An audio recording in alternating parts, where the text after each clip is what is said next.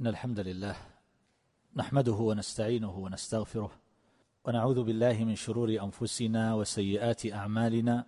من يهده الله فلا مضل له ومن يضلل فلا هادي له وأشهد أن لا إله إلا الله وحده لا شريك له وأشهد أن محمدا عبده ورسوله.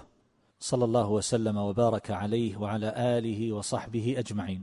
أما بعد فأرحب بكم معاشر الإخوان والأخوات وأسأل الله تبارك وتعالى أن يجعل هذا المجلس مقربا إلى وجهه الكريم نافعا مباركا وأن يلهمنا رشدنا وأن يعيذنا وإياكم من شر الشيطان وشركه.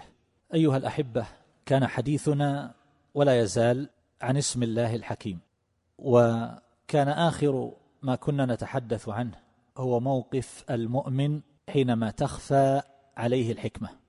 وقد تحدثت عن هذه القضية حديثا مجملا ولا بأس أن أذكر الآن بعض النماذج والصور التي قد تخفى حكمتها على المخلوقين أو على كثير من المخلوقين. كحكمة الله تبارك وتعالى في خلق من يحاده ويشرك به ويعاديه ويعبد غيره. فهذا له حكم قد ندرك بعضها ويخفى علينا كثير منها. أول كفر وقع في العالم كان في قوم نوح فحصلت آية الطوفان. كانت تلك الآية عبرة وعظة يتحدث بها الناس إلى اليوم. فلو لم يقع منهم ذلك الكفر لم تكن تلك الآية. هذه حكمة مدركة ولله في ذلك حكم كثيرة. عاد حينما كفروا بالله عز وجل أظهر الله لونا من بأسه وقوته وجبروته. فحينما أهلك قوم نوح بهذا الماء الرقيق فصار هائلا مدمرا حتى بلغ رؤوس الجبال في قوة طاغية أهلكت من على وجه الأرض ولم يبق إلا الفئة المؤمنة تسير في موج كالجبال. ولعل ما شاهدنا مما وقع في ساعات قليلة في جدة لعلكم شاهدتم المشاهد التي حفظت في مواقع متنوعة في الشبكة تلك الأمواج العاتية التي تحمل السيارات كالقش ولولا أن الإنسان يشاهد هذا لما صدقه. وقد رأيت ما وقع في الحج قبل سنوات رأيت آثاره بعدما توقف المطر. فكنت أشاهد السيارات فوق بعضها في بعض النواحي في مكة. وكنت أعجب ما الذي جعل هذه السيارات التي كان المفترض أن توضع في مكان آخر ما الذي جعلها في هذا المكان؟ كنت أظن أنها سيارات للتشليح. وأراها في جوانب الطرق ثم علمت بعد ذلك أن هذا كان من آثار المطر. شيء لا يصدق أن ترى السيارة الكبيرة كأنها قشة. ترى الناس يغرقون ولا تستطيع أن تفعل لهم شيئا. يصعد الناس في بيوتهم من الدور السفلي إلى الدور العلوي فيتبعهم الماء فيغرقون. فهذا كله يسير جدا بالنظر إلى ما وقع لقوم نوح صلى الله عليه وسلم. تصور لو أن الماء استمر وتفجرت ينابيع الأرض فجرنا الأرض عيونا فالتقى الماء على أمر قد قدر. حتى وصل إلى رؤوس الجبال ومن قصد الجبل لم يعصمه ذلك من الماء. سآوي إلى جبل يعصمني من الماء. قال لا عاصم اليوم من أمر الله إلا من رحم. فحال بينهما الموج. في هذه اللحظات أثناء الخطاب فكان من المغرقين. فهذا يرينا الله عز وجل به بأسه. وما وقع لقوم عاد بهذا الهواء اللطيف الذي يظن الظان أنه لا يؤثر شيئا من جهة التدمير ولكن الله عز وجل قد يسوقه بصورة أخرى مختلفة فيهلك كل شيء. ريح صرصر عاتية سخرها عليهم سبع ليال وثمانية أيام حسوما. فترى القوم فيها صرعى كأنهم أعجاز نخل خاوية. فهل ترى لهم من باقية؟ إنك حينما ترى الجثث ملقاة في دمار يحصل مثل الذي حصل في شرق الأرض قبل سنوات تتذكر قول الله تبارك وتعالى كأنهم أعجاز نخل خاوية. الناس الرجال والنساء قد سقطوا على وجوههم جثوما لا حراك بهم. وهكذا أيها الأحبة لما كفر قوم صالح أهلكهم الله عز وجل بشيء يسير في نظرنا بالصيحة. صاح بهم الملك. فماتوا. فانظر التدمير والإهلاك بالماء التدمير بالهواء التدمير بمجرد الصوت. فكيف لو حصل الدمار بنار محرقة أو بحجارة تنزل من السماء؟ كما حصل لقوم لوط وقلبت بهم الأرض. فأخذ الله تبارك وتعالى القرى بأكملها بما فيها من الإنسان والحيوان فجعل عاليها سافلها وأتبع ذلك بحجارة من سجيل منضود مسومة عند ربك. قال وما هي من الظالمين ببعيد ممن فعل فعلهم واجترأ جراءتهم. وهكذا لما كفر فرعون ووقع منه ما وقع حصلت تلك الآيات والعجائب العظام أرسل الله عز وجل له موسى بتسع آيات بينات وقلبهم في تلك الأحوال. ثم بعد ذلك أهلك هذا الطاغية الذي بلغ به الحد في الطغيان أن ادعى أنه ربهم الأعلى. واستخف بموسى صلى الله عليه وسلم. أم أنا خير من هذا الذي هو مهين ولا يكاد يبين؟ فكيف كان إهلاكه؟ هل كان إهلاكه بأسلحة فتاكة مدمرة مما يعقله بنو الإنسان إنما كان إهلاكه بالغرق. هذا الذي يدعي الربوبية كان هلاكه بالماء غرق. هو ومن معه الجيش بأكمله. خرج هذا المتجبر على الله عز وجل ومعه الملأ ومعه قواده وعسكره وكبار رجالاته مع جنوده. ففي لحظة أغرقهم الله تبارك وتعالى ولم يبق في أرض مصر. إلا النساء والأطفال والذرية فكانت تلك آية عظيمة تدل على شدة بأس الله عز وجل ونكاله بالمجرمين المتجبرين على أنبيائه ورسله عليهم الصلاة والسلام. وهكذا في معارضة السحرة لموسى صلى الله عليه وسلم لما ألقوا العصي واسترهبوا الناس وسحروا أعينهم وجاءوا بسحر عظيم. ألقى موسى عليه الصلاة والسلام عصاه فإذا هي تلقف ما يأفكون وما هذه للعموم.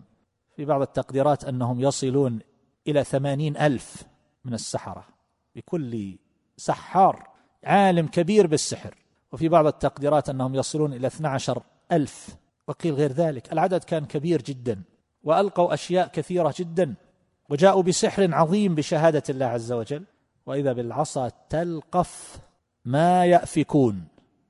وهكذا لما جاء المشركون في يوم بدر بحدهم وحديدهم وأخرجت مكة فلذات أكبادها وجاءوا وكره أهل الإيمان ذلك وتودون أن غير ذات الشوكة تكون لكم.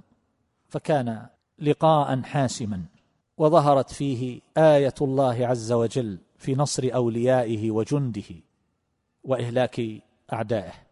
صارت غزوة بدر حديثا للناس على مر الأجيال والقرون وكان أهل بدر خيار هذه الأمة مع أن أهل الإيمان كانوا يودون غير ذلك وما خرجوا لقتال وحينما علموا أن المواجهة لا بد منها صاروا في حالة كأنما يساقون إلى الموت وهم ينظرون.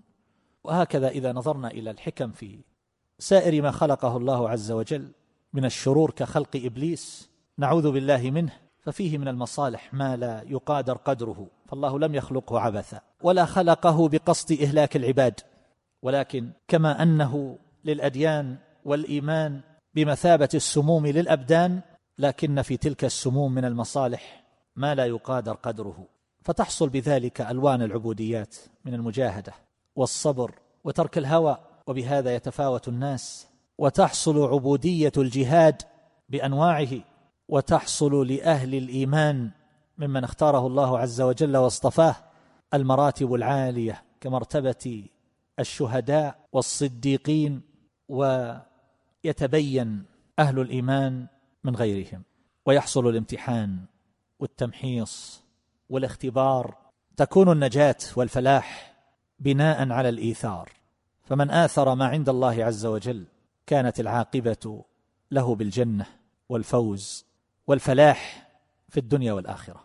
ومن آثر طاعة الشيطان والنفس والهوى خاب وخسر وكانت عاقبته سيئة. وهكذا في خلق الله تبارك وتعالى المتضادات. خلق جبريل وخلق إبليس. روح طاهرة وهي جبريل عليه الصلاة والسلام وروح نجسة دنسة وهي روح إبليس.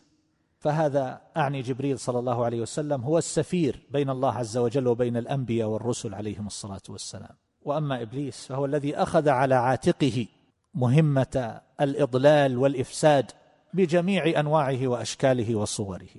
داعية إلى كل كفر وشرك وسوء وخزي وفساد وفواحش وموبقات بكل طريق. وهكذا أيها الأحبة خلق الله الضياء والظلام والأرض والسماء والجنة والنار وسدرة المنتهى وشجرة الزقوم وليلة القدر وليلة الوباء التي يقدره الله عز وجل فيها والملائكة وخلق الشياطين وخلق المؤمنين والكفار والأبرار والفجار الحر والبرد الداء والدواء الآلام واللذات الأحزان والأفراح وهكذا يستخرج الله عز وجل بذلك ألوان العبوديات فلهم مع ذلك كله عبوديات يقومون بها. عبوديات في الحر وعبوديات في الصيف وعبوديات في الليل وعبوديات في النهار وهو الذي جعل الليل والنهار خلفة لمن أراد أن يذكر أو أراد شكورا. يقلبهم بين اللذة والفرح وبين الألم. يقلبهم بين الغنى والفقر. يقلبهم بين علم وجهالة وبين الأمور المكروهة وبين الأمور المحبوبة.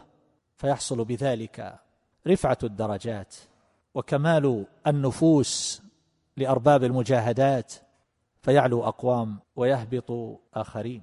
وبهذا يتفاوتون في الدنيا تفاوتا ينبني عليه التفاوت في الآخرة فهم بحسب مراتبهم في الدنيا من إخلاص وطاعة وصبر ومجاهدة يتفاوتون في الآخرة غاية التفاوت. كما أنه يكون سيرهم على الصراط في الآخرة. كسيرهم على الصراط الذي رسمه الله عز وجل لهم في هذه الحياة الدنيا كما يقول الحافظ ابن القيم رحمه الله. وهكذا قد يتساءل الإنسان لماذا أهبط الله عز وجل آدم من الجنة؟ حتى حصل له ألوان المعاناة والشقاء والكد في سبيل تحصيل أدنى الأشياء من لقمة عيش أو دفع حر أو برد أو تحصيل ألوان المصالح. فهذا فيه حكم تعجز العقول عن معرفتها وإدراكها. كان ذلك الإهباط هو عين كماله وترقيه الترقي الاختياري في درجات العبودية وسلمها. أراد الله عز وجل أن يذيقه من نصب الدنيا وغمومها وآلامها وأوصابها ما يعظم به مقداره عند الله عز وجل حينما يفد إليه في الدار الآخرة. فإن الضد يظهر حسنه الضد ولو تربوا في دار النعيم ولم يعرفوا للمشقة والألم طعما فقد لا يعرف الإنسان قدر تلك اللذات والبهجة والحبور. كما أراد الله عز وجل أن يبتليهم وأن يختبرهم وأن يأمرهم وأن ينهاهم والجنة ليست بدار تكليف فأهبطهم إلى الأرض.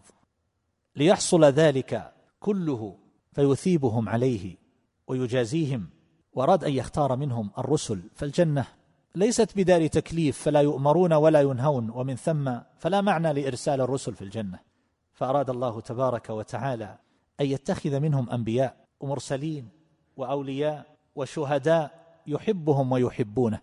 فخلى بينهم وبين أعدائه وامتحنهم بهم فلما آثروه وبذلوا نفوسهم رخيصة في سبيله وأقبلوا على طاعته راغبين. حصل لهم عظيم الأجر والثواب والرفعة والدرجات العالية. فهذه الدرجات أيها الأحبة الرسالة والنبوة والصديقية والولاية ونحو ذلك هي من أجل الدرجات وأفضلها وأرفعها. كيف تحصل هذه إلا بهذا الامتحان والابتلاء الذي كان سببه إهباط آدم إلى الأرض؟ وهكذا تتجلى بذلك أسماؤه تبارك وتعالى وصفاته وتظهر معانيها وآثارها فمن أسمائه الغفور الرحيم الحليم الشكور القوي العزيز العليم الحكيم وما إلى ذلك. وهذه لا بد أن تظهر آثارها. فاقتضت حكمته تبارك وتعالى إهباط آدم فظهر بذلك من رحمته جل جلاله وألطافه ومن ألوان فضله ما لا يقادر قدره. ظهر بذلك أنه يعز من يشاء ويذل من يشاء ويرفع من يشاء ويخفض من يشاء ويبطش بمن يشاء وينصر من يشاء ويكرم من يشاء ويذل ويهين من يشاء يعافي من يشاء ويبتلي بالمرض من يشاء. كل هذا إنما يقع في هذه الحياة الدنيا.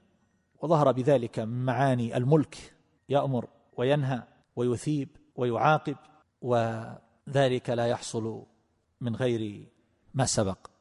وهكذا يحصل لهم أيضا بهذا الإهباط الإيمان بالغيب. الجنة غيب وما فيها من اللذات غيب والملائكة غيب والنار غيب والصراط والحوض والميزان كل هذه الأمور كلها من الغيب. فيؤمنون به وهو من أجل الإيمان الذي امتدح الله عز وجل أهله بقوله الذين يؤمنون بالغيب على المعنيين. بما غاب عن الحس من أنواع الغيوب وكذلك أيضا يؤمنون حال كونهم غائبين لا تراهم العيون. يكون الواحد منهم على حال مرضية. وهكذا أيضا يحصل بهذا الإيمان بالغيب من الرضا والاطمئنان وسكون النفس في أمور لا يدركها الإنسان ولا يصل إليها عقله بخلاف من لم يؤمن بهذه الغيوب. يبقى مشتتا ضائعا متحيرا كلما واجه شيئا لا يدركه عقله ولا يصل إليه. وقل مثل ذلك في تسليط الضعيف على القوي. فيري الله عز وجل أولياءه وعباده من الآيات في ذلك ما يحصل لهم به كمال اليقين.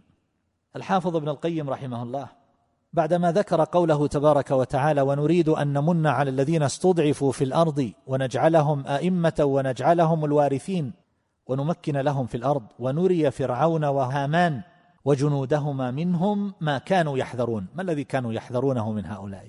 كانوا يتخوفون أن يوجد من هؤلاء المستضعفين من يسلب ملكهم ويكون زوال دولتهم على يده. فأراهم الله عز وجل ذلك. فالحافظ ابن القيم رحمه الله يقول فوا حسرتاه على استقامة مع الله وإيثار لمرضاته مع كل حال يمكن به الضعيف المستضعف حتى يرى من استضعفه أنه أولى بالله ورسوله منه. ثم ذكر كلاما نفيسا يتصل بهذا المعنى وينبغي للإنسان أن يقف عنده وفيه عبرة. يقول إن حكمة الله عز وجل اقتضت أمرا آخر. يعني لو كان المظلوم دائما يقتص من الظالم حتى يرى الظالم عجزه وضعفه وعاقبة ظلمه على يد هذا المستضعف الذي استضعفه فهذا أمر تتوق إليه النفوس. ولكن حكمة الله عز وجل اقتضت أمرا آخر. ما هذا الأمر الآخر؟ اقتضت أن هذا الظالم يأكل ويتمتع في ماذا؟ في خفارة ذنوب المظلوم. أرجو أن يصل هذا المعنى. الظالم يتمتع ويتلذذ ويتقلب في أموال قد غصبها من هذا وهذا وهذا وهذا في حراسة من؟ في خفارة من؟ في خفارة ذنوب المظلوم. فذنوب المظلوم هي التي تسلط هذا الظالم عليه وتحول بينه وبين الاقتصاص منه. وقل مثل ذلك ويقول بأن ذنوب هذا المظلوم من أعظم أسباب الرحمة في حق الظالم. يعني من جهة التمتع. والحيلولة ان صحت العبارة بين معاقبته في الدنيا وتسليط المظلوم عليه. وهكذا أيضا في السؤال سؤال الصدقة. هذا سائل وهذا مسؤول. هذا غني وهذا فقير. جاء السائل يسأل. فالحافظ ابن القيم رحمه الله يقول بأن المسؤول إذا رد السائل يقول لو كان السائل صادقا لم يفلح المسؤول إذا رده بالكذب. يقول لكن المسؤول يعيش في خفارة كذب السائل وتجاوزه وذنوبه. السائل قد يكذب ويذكر أشياء غير حقيقية وذاك يرده يقول لو كان السائل صادقا فإن من رده فإنه قد لا يفلح. ولكن المسؤول يعيش في خفارة كذب السائل. يقول هكذا السارق قاطع الطريق. في خفارة من؟ في خفارة أصحاب الأموال المسروقة التي منعوا حقوق الله عز وجل فيها. يتسلط عليهم قطاع طرق يتسلط عليهم لصوص أموال يتسلط عليهم أصحاب توظيف أموال يتسلط عليهم سراق يتسلط عليهم أصحاب لعب في الأسهم فيأخذون أموالهم. فأولئك الذين تسلطوا عليهم يعيشون في خفارة إساءات أصحاب الأموال حيث منعوا حقوق الله عز وجل فيها من الزكاة وغير ذلك من الحقوق. فأولئك يأخذون الأموال باردة ويتمتعون بها تمتعا قريبا قليلا ويبقى أصحاب الأموال لا يستطيعون تحصيلها ولا معاقبة هؤلاء ولا الأخذ على أيديهم. لماذا؟ لأنهم قد عطلوا حق الله عز وجل فيها فلم يحفظها الله عز وجل لهم. وهكذا في منع الغيث والمطر. يحبس عنهم الغيث ويبتلى الخلق بالقحط إذا منعوا الزكاة وحرموا المساكين. فجازاهم الله عز وجل على منعهم حق المساكين من القوت والصدقة والزكاة بمنع الله عز وجل مادة القوت والرزق وهي المطر. فمنعه عنهم. كأنه يقول بلسان الحال منعتم الحق فمنعتم الغيث. فهل استنزلتموه ببذل مال الله قبلكم؟ هل استنزلتموه ببذل حق الله قبلكم؟ أخرجوا هذه الحقوق من الأموال. ينزل المطر. كم عدد الذين يخرجون الزكاة من أغنياء المسلمين؟ نسبة ضئيلة جدا. أرقام الأرصدة التي في البنوك من من السيولة في دول مثل دول الخليج أرقام فلكية. تقدر زكواتها بأرقام قد يصعب علينا قراءتها. ولا يخرج منها إلا أقل القليل. وكثير من تجار المسلمين لا يخرج الزكاة. وبعضهم يقول لا أستطيع إلا إخراج ما لا يتجاوز عن عشرين بالمئة بكل صعوبة. يقول ولكن الكثيرين لا يخرجون شيئا. وهذا سبب منع القطر من السماء. قحط. فنسأل الله أن يلطف بنا. وهكذا الذين يصرفون الخلق عن الهدى والإيمان والطاعة والاستقامة على صراط الله المستقيم شياطين الإنس. انظروا كيف يصرف الله قلوبهم عن الهدى. تجد الواحد منهم يشيب يتقدم به العمر ويدرك هو ومن حوله أن إحدى رجليه أو قدميه في القبر وتتعجب تقول ما يتوب؟ ما يفكر؟ لا زال في غيه وعتوه وباطله وظلمه وإفساده يتحمل ذنوب الخلائق ولذلك تجد لا تجد كثيرا من هؤلاء المضلين العتاة يتوب يشيب ويهرم وهو على أشد ما يكون من السوء والفساد والإفساد. لماذا؟ صرفوا قلوب الخلق عن الحق والهدى بالتضليل ألوان التضليل الذي يمارسونه ليل نهار بالشهوات والشبهات و... فصرف الله قلوبهم عن الهدى والحق. فلا تكاد تجد في هؤلاء من يتوب في آخر أيامه ويستقيم ويكون من أنصار دين الله تبارك وتعالى. وقل مثل ذلك في محق أموال المرابين. يمحق الله الربا وهذا المحق على الأرجح في الدنيا وفي الآخرة. فإذا تصدقوا لم يقبل ذلك وفي الدنيا لا تجد لها بركة. وقد صرح بذلك بعض هؤلاء.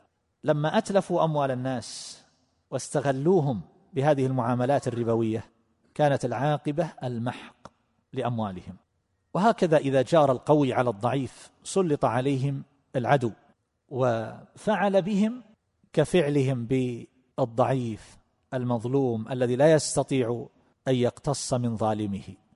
فهذه سنة الله عز وجل كما يقول الحافظ ابن القيم رحمه الله في مفتاح دار السعادة منذ قامت الدنيا إلى أن تطوى الأرض ويعيدها الله عز وجل كما بدأها. ويذكر أشياء كثيرة جدا وصور متنوعة في هذا المعنى.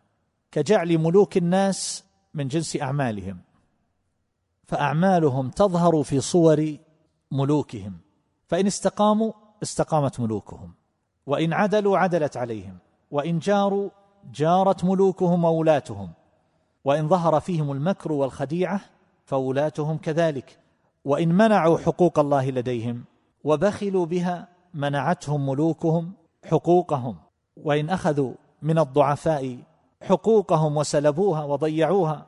الأجراء الخدم العمال. فإن الملوك تأخذ منهم اموالا بغير حق وتضرب عليهم المكوس والضرائب. فأعمالنا تصور بذلك. ثم ذكر الصدر الأول. لما كانت أعمالهم بتلك المثابة من البر والتقوى والصلاح والاستقامة كان ولاتهم من جنس أبي بكر وعمر. رضي الله تعالى عنهم وأرضاهم.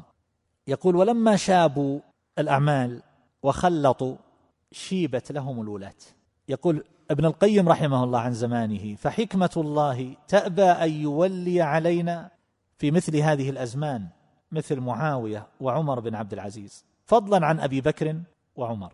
بل ولاتنا على قدرنا وولاة من قبلنا على قدرهم وهذا كله من مقتضيات حكمة الله سبحانه وتعالى.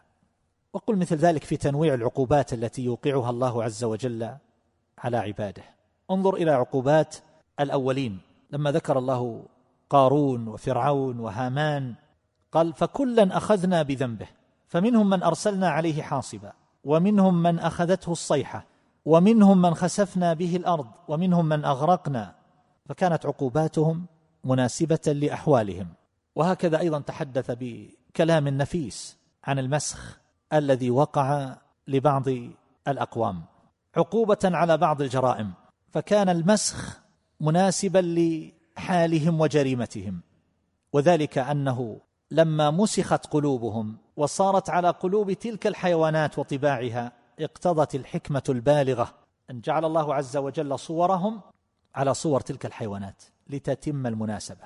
ويكمل الشبه يقول اعتبر هذا بمن مسخوا قردة.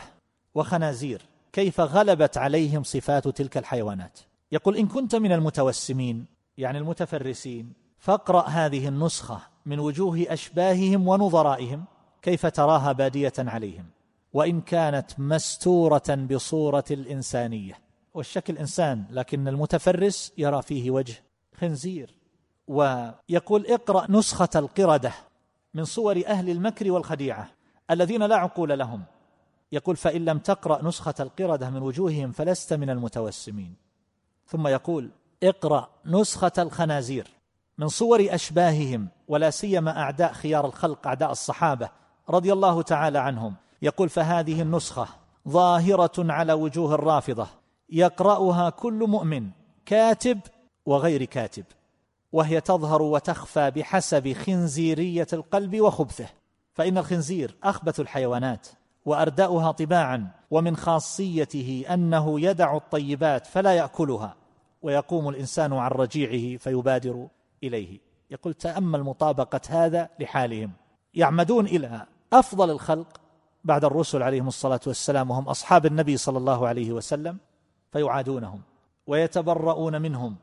يقول ثم والوا كل عدو لهم من النصارى واليهود والمشركين فاستعانوا في كل زمان على حرب المؤمنين الموالين لأصحاب رسول الله صلى الله عليه وسلم بالمشركين والكفار وصرحوا بأنهم خير منهم. يقول فأي شبه ومناسبة أولى بهذا الضرب من الخنازير؟ فإن لم تقرأ هذه النسخة من وجوههم فلست من المتوسمين. يقول اما الأخبار التي تكاد تبلغ حد التواتر بمسخ من مسخ منهم عند الموت خنزيرا فأكثر من أن تذكر ها هنا. وقد أفردها الحافظ محمد ابن عبد الواحد المقدسي في كتاب. وذكر شيخ الإسلام ابن تيمية رحمه الله أشياء من هذا القبيل وذكر أن ذلك من قبيل التواتر. مسخ جماعة منهم عند الموت إلى خنازير. وهكذا يذكر الحكمة في ما وقع لبعض الأمم السابقة من عذاب الاستئصال. وذلك لما كان بأسهم شديدا وأعمارهم مديدة طويلة أهلكهم الله عز وجل بالعقوبات المستأصلة. ولما كانت أعمار من بعدهم دون ذلك وقواهم أقل كانت عقوباتهم على أيدي عباده المؤمنين فيقتصون منهم ويقتلونهم ويقع لهم ما يقع من الألم والجراح الذي يحصل به النكاية بأعداء الله عز وجل والتشفي لأهل الإيمان. فكل من كانت له فطنة أيها الأحبة وسافر في نظره وذهنه وعقله وفكره وقلبه وقلبه في باب الخلق وفي باب الأمر الشرعي وفي باب الأمر الكوني القدري. فإنه يجد حكمة الله عز وجل ظاهرة في ذلك كله. والمقصود أن العبد يحسن الظن بربه ولا يظن به سوءا. بعد ذلك ننتقل إلى الأمر السادس وهو آثار حكمته تبارك وتعالى في الخلق والأمر. الحكمة لما كانت في أصلها خفية كان لا بد في ظهورها من شرع يأمر به ومن خلق يخلقه ومن قدر يقضيه ويكونه. حتى تظهر آثار هذه الحكمة. ثم تأتي هذه الأمور جميعا مصدقة مطابقة موافقة لهذا الوصف الكامل لربنا جل جلاله.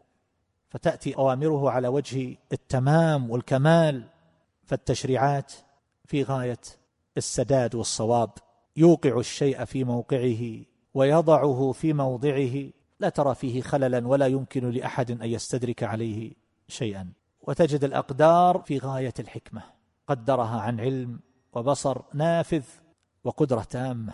وهكذا أيضا في خلقه جل جلاله وتقدست أسماؤه. فأسماؤه تبارك وتعالى متضمنة لصفات كماله وأفعاله ناشئة عن صفاته. فهو لم يستبد الكمالات من فعله بخلاف المخلوق. كيف يحصل الكمال والمجد؟ من ممارسات ومزاولات وأعمال ونهوض بأعباء فيحصل له الكمال. تحصيل علوم والقيام بحقوق وبذل جهود فيحصل له الرقي والكمال. وأما الله تبارك وتعالى فإن ما يصدر عنه سبحانه وتعالى من تشريع وأمر ونهي وخلق وتقدير كل ذلك يصدر عن عن كماله سبحانه وتعالى. فله الكمال التام المطلق. فأسماؤه تبارك وتعالى وصفاته تقتضي آثارها. لابد أن يظهر ذلك. فمن أسمائه تبارك وتعالى الخلاق لابد أن يوجد المخلوق. ومن أسمائه الرزاق فلا بد أن يوجد الرزق والمرزوق. وهكذا الغفار والتواب والحكيم والعفو والرحمن والرحيم كل هذا. ومن هذه الأسماء الحكيم. لا بد من ظهور آثار هذا الاسم وما تضمنه من الوصف. ألا له الخلق والأمر. تبارك الله رب العالمين فخلقه وأمره صادر عن حكمته وعلمه.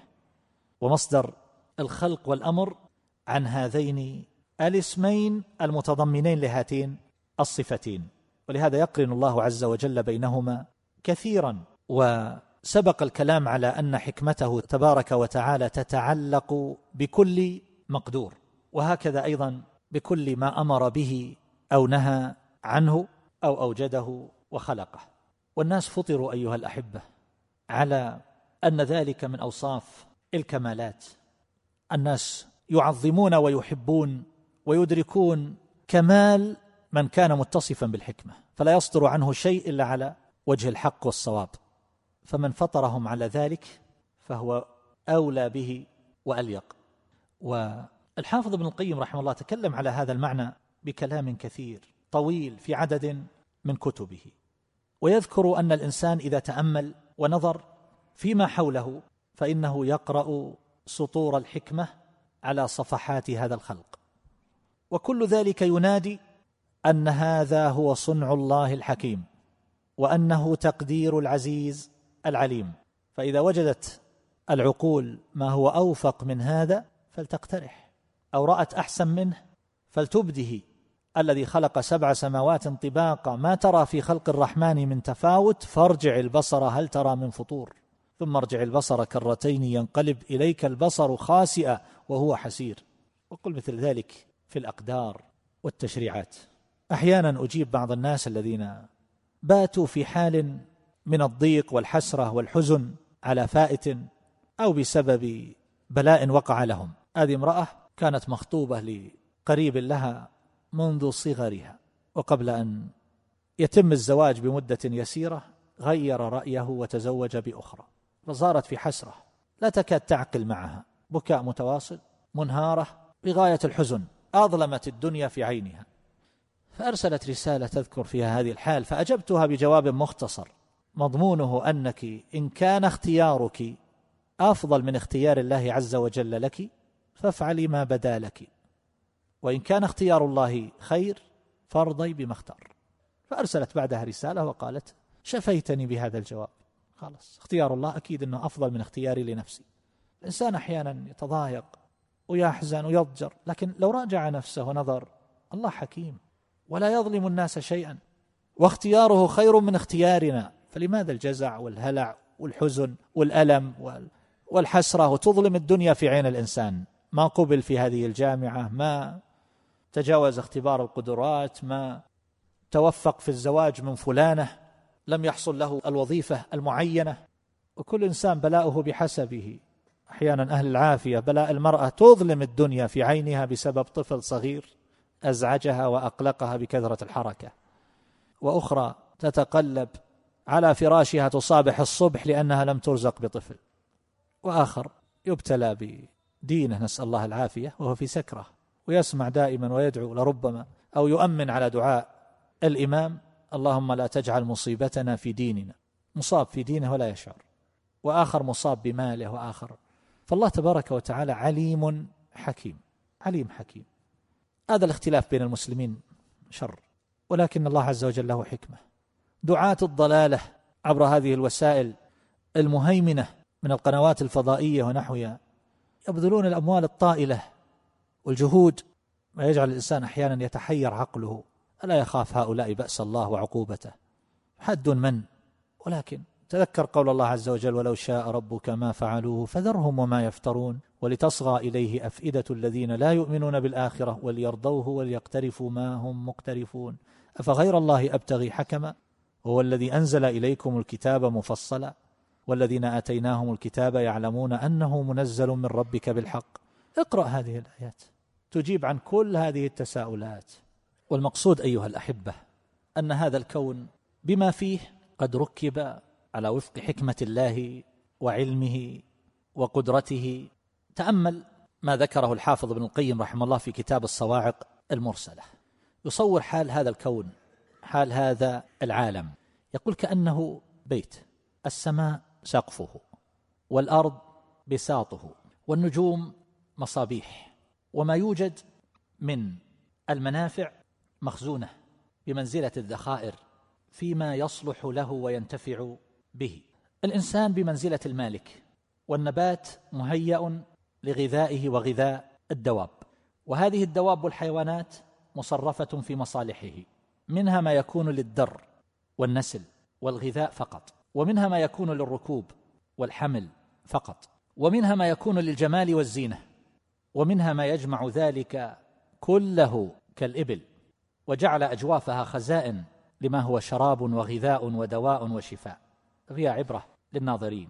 وهكذا في الطير بصنوفها وأشكالها وأنواعها وألوانها ومقاديرها ومنافعها وأصواتها صافات وقابضات وغاديات ورائحات ومقيمات وضاعنات. في ذلك أعظم عبرة وأبين دلالة على حكمة الخلاق العليم. هذا إجمالا. وإذا نظرت على سبيل التفصيل في هذه المخلوقات نظرت في الإنسان. نظر الإنسان في نفسه في جوانب متنوعة. والكلام في هذا يحتاج إلى مدد طويلة جدا. ولكني أجتزئ أمثلة قليلة. وسيأتي أمثلة أخرى إن شاء الله في الكلام على العليم وأمثلة في الخبير وأمثلة في الكلام على اللطيف. ولا يسع ذلك المرور على هذه جميعا بل ولا على كثير منها. وقد جمعت من ذلك ملفات تحتاج إلى أوقات طويلة بأنواع هذه العبر والآيات. بكاء الأطفال الذي ننزعج منه ولربما نقلق على الصغير بسببه ولربما خرجت المرأة عن طورها بسبب بكاء صبيها. فيه منافع عرفها الأطباء القدماء. يقولون في أدمغة الأطفال هذا ذكر الحافظ ابن القيم رحمه الله. يقولون في أدمغة الأطفال رطوبة. لو بقيت في أدمغتهم لأحدثت أضرارا جسيمة. فالبكاء يسيل ذلك ويحذره من أدمغتهم فتقوى أدمغتهم وتصح. هذه الآن في البكاء. وقل مثل ذلك فيما يقدره الله عز وجل على هذا الصغير من ألم ونحو ذلك. الله حكيم. ثم يقول بأن البكاء والعياط كما يعبر يوسع عليه مجاري النفس. ويفتح العروق ويصلبها ويقوي الأعصاب. ينقل عن الأطباء القدماء الحكمة في الحفظ والنسيان بالنسبة للإنسان. الحفظ. فإنه لولا الله عز وجل وما يسر من قوة الحافظة لدخل الخلل على الإنسان في أمور كثيرة جدا. لا يعرف ما له وما عليه. ولا ما أخذ ولا ما أعطى ولا ما سمع ولا ما رأى. تصور ما في حافظ أبدا. احكي لي أحدهم عن أبيه يقول كان يحفظ المحلى عن ظهر قلب. أحد العلماء المعاصرين يحكي عن أبيه يقول كان يحفظ المحلى.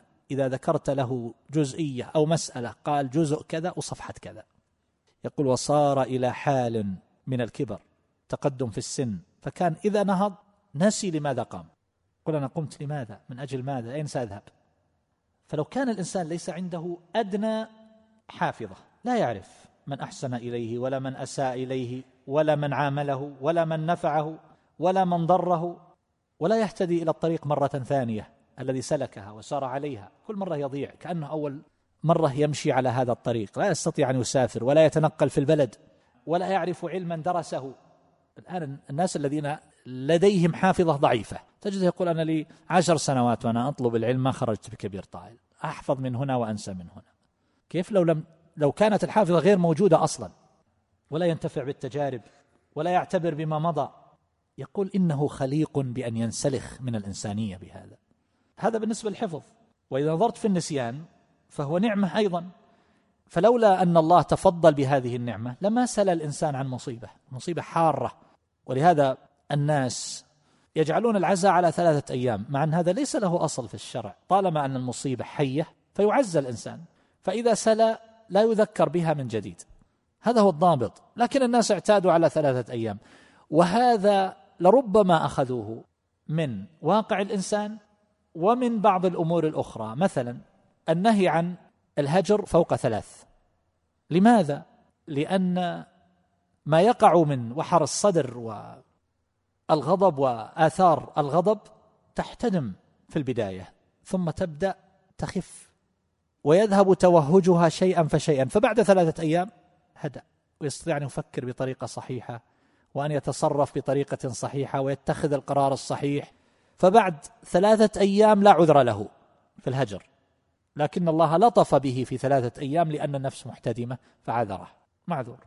دعه حتى يهدأ. لكن بعد ثلاثة أيام لا مجال لهذا الهجر. فالمصيبة تخف بعد ثلاثة أيام عادة.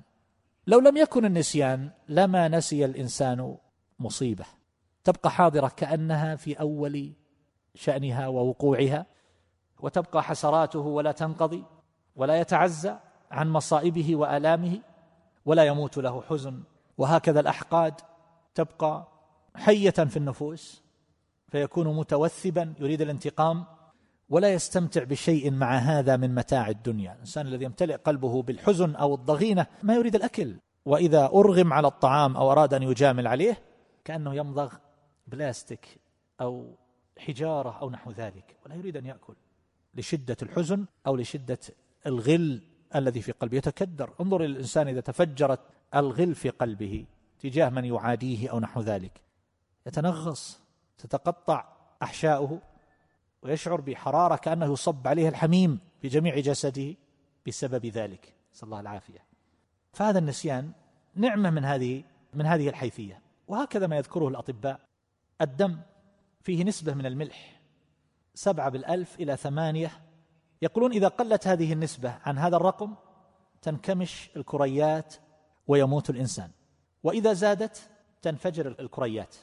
فمن الذي جعل هذه النسبة منضبطة معتدلة؟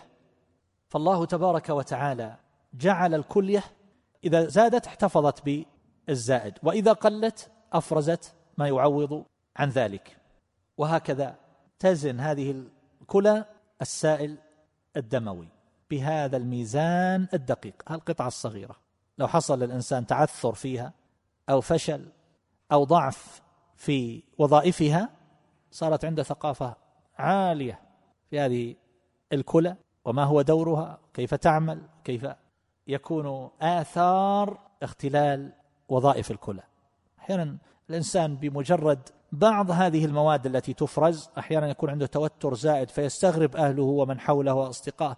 كيف هذا الإنسان تحول إلى إنسان حاد في الطبع؟ وبسبب إفرازات زادت. وقل مثل ذلك في أشياء قد يتعاطاها الإنسان فيحصل عنده شيء من التبلد فهذه حكمة الله تبارك وتعالى. لعلي ذكرت لكم في بعض المناسبات قريبا عمن يسأل كان له ورد من القرآن وعبادات وقيام لليل وبكاء ورقة قلب ثم بعد ذلك صار لا يجد من أثر ذلك قليلا ولا كثيرا. فيقول يعني هل هذا بذنب أصبته؟ ما الحل؟ كيف أرجع إلى الحالة السابقة؟ فسألته منذ متى حصل هذا؟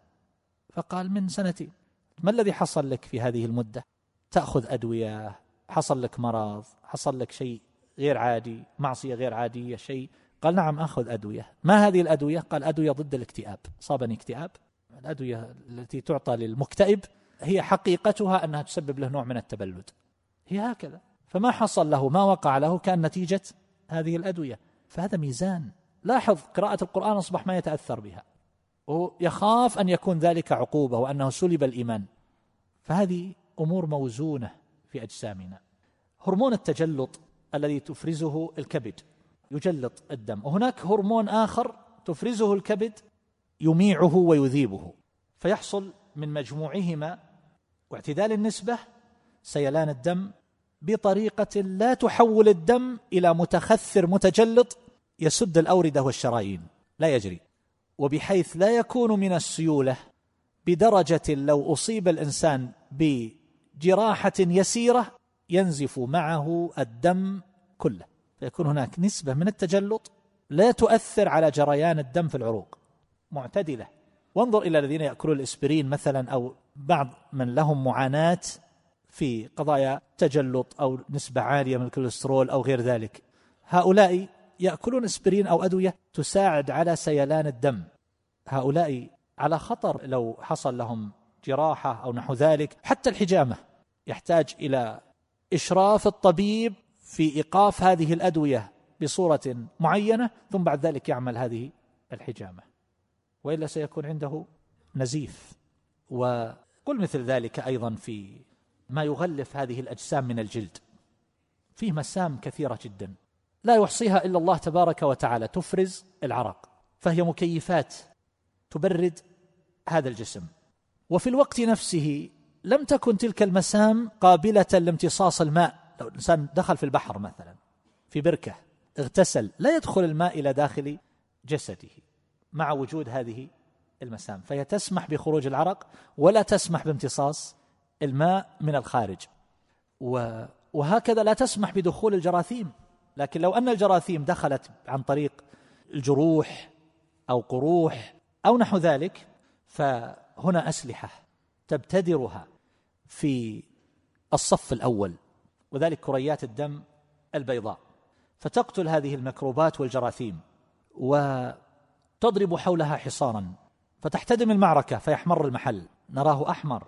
ثم تبدأ القتلى تتساقط الجنود تتساقط من الكريات فنرى الآثار من البياض الذي يخرج على القروح والجروح. هؤلاء أشلاء قتلى في هذه المعركة. لو أن هذا العدو داحر هذه الكريات وتغلب عليها فهناك حرس حدود. هناك العقد الليمفاوية وهي كثيرة جدا وقد رأيت أحد الأشخاص عافانا الله وإياكم أصيب بمرض سرطان في العقد الليمفاوية. فكان يضع يدي على عقد كثيرة جدا في جسمه مثل الكرات الصغيرة متفاوتة الأحجام تحت الجلد في رقبته وتحت ذقن وفي أماكن أخرى من الجسد. فهذه العقد في أصلها تحول دون دخول هذا العدو إلى داخل الجسم فتحبسه فتنتفخ ثم بعد ذلك تتولى قتله والقضاء عليه. عدد هذه المكيفات أيها الأحبة التي تحدثنا عنها أو المسام أكثر من 15 مليون مكيف لتبريد حرارة الجسم. أكثر من 15 مليون. وهي الغدد العرقية. وانظر في سائر خلق الله تبارك وتعالى. انظر ما وضع لجسم الإنسان ليأكله الإنسان. تفاحة تحتوي على الحديد. كما أنها تحتوي أيضا مع ذلك على فيتامين سي. جعل الله فيها هذا بنسبة وهذا بنسبة. أهل الاختصاص يقولون بأن فيتامين سي تحمله قليل فيتعفن بسرعة. فإذا كان بحاجة إلى مادة أخرى وهي الحديد ليحصل ذلك التعادل. وهكذا أيضا يقولون في هذه التفاحة كمية كبيرة من حامض الفاكهة وهي تؤدي إلى زيادة الحموضة في المعدة. وهذه الآيونات تحد من ذلك ولذلك يقولون نتجشأ بعد أكل التفاح آيونات الكربونات. هكذا يقولون على كل حال. وهناك كتابات عن هذه القضايا كتبها بعض المسلمين وبعض الكفار. يذكرون عجائب خلق الله عز وجل في هذا الإنسان. توقف عند هذا وسأكمل هذا الموضوع برمته إن شاء الله تعالى في المجلس القادم ويكون بهذا في أربعة مجالس ولعله إن شاء الله يكون هو الموضوع الوحيد الذي يحتاج إلى أكثر من مجلس. لما ذكرت من قبل؟ ان هذه القضية نحتاج إليها كثيرا في هذا الوقت الذي للأسف أصبح كثير من المسلمين يتشكك ويتساءل ويريد أن يعرف كل شيء ويوجد من يثير هذه القضايا عنده. فنسأل الله عز وجل أن يثبتنا وإياكم على الإيمان وأن يملأ قلوبنا باليقين. وصلى الله وسلم على نبينا محمد وآله وصحبه.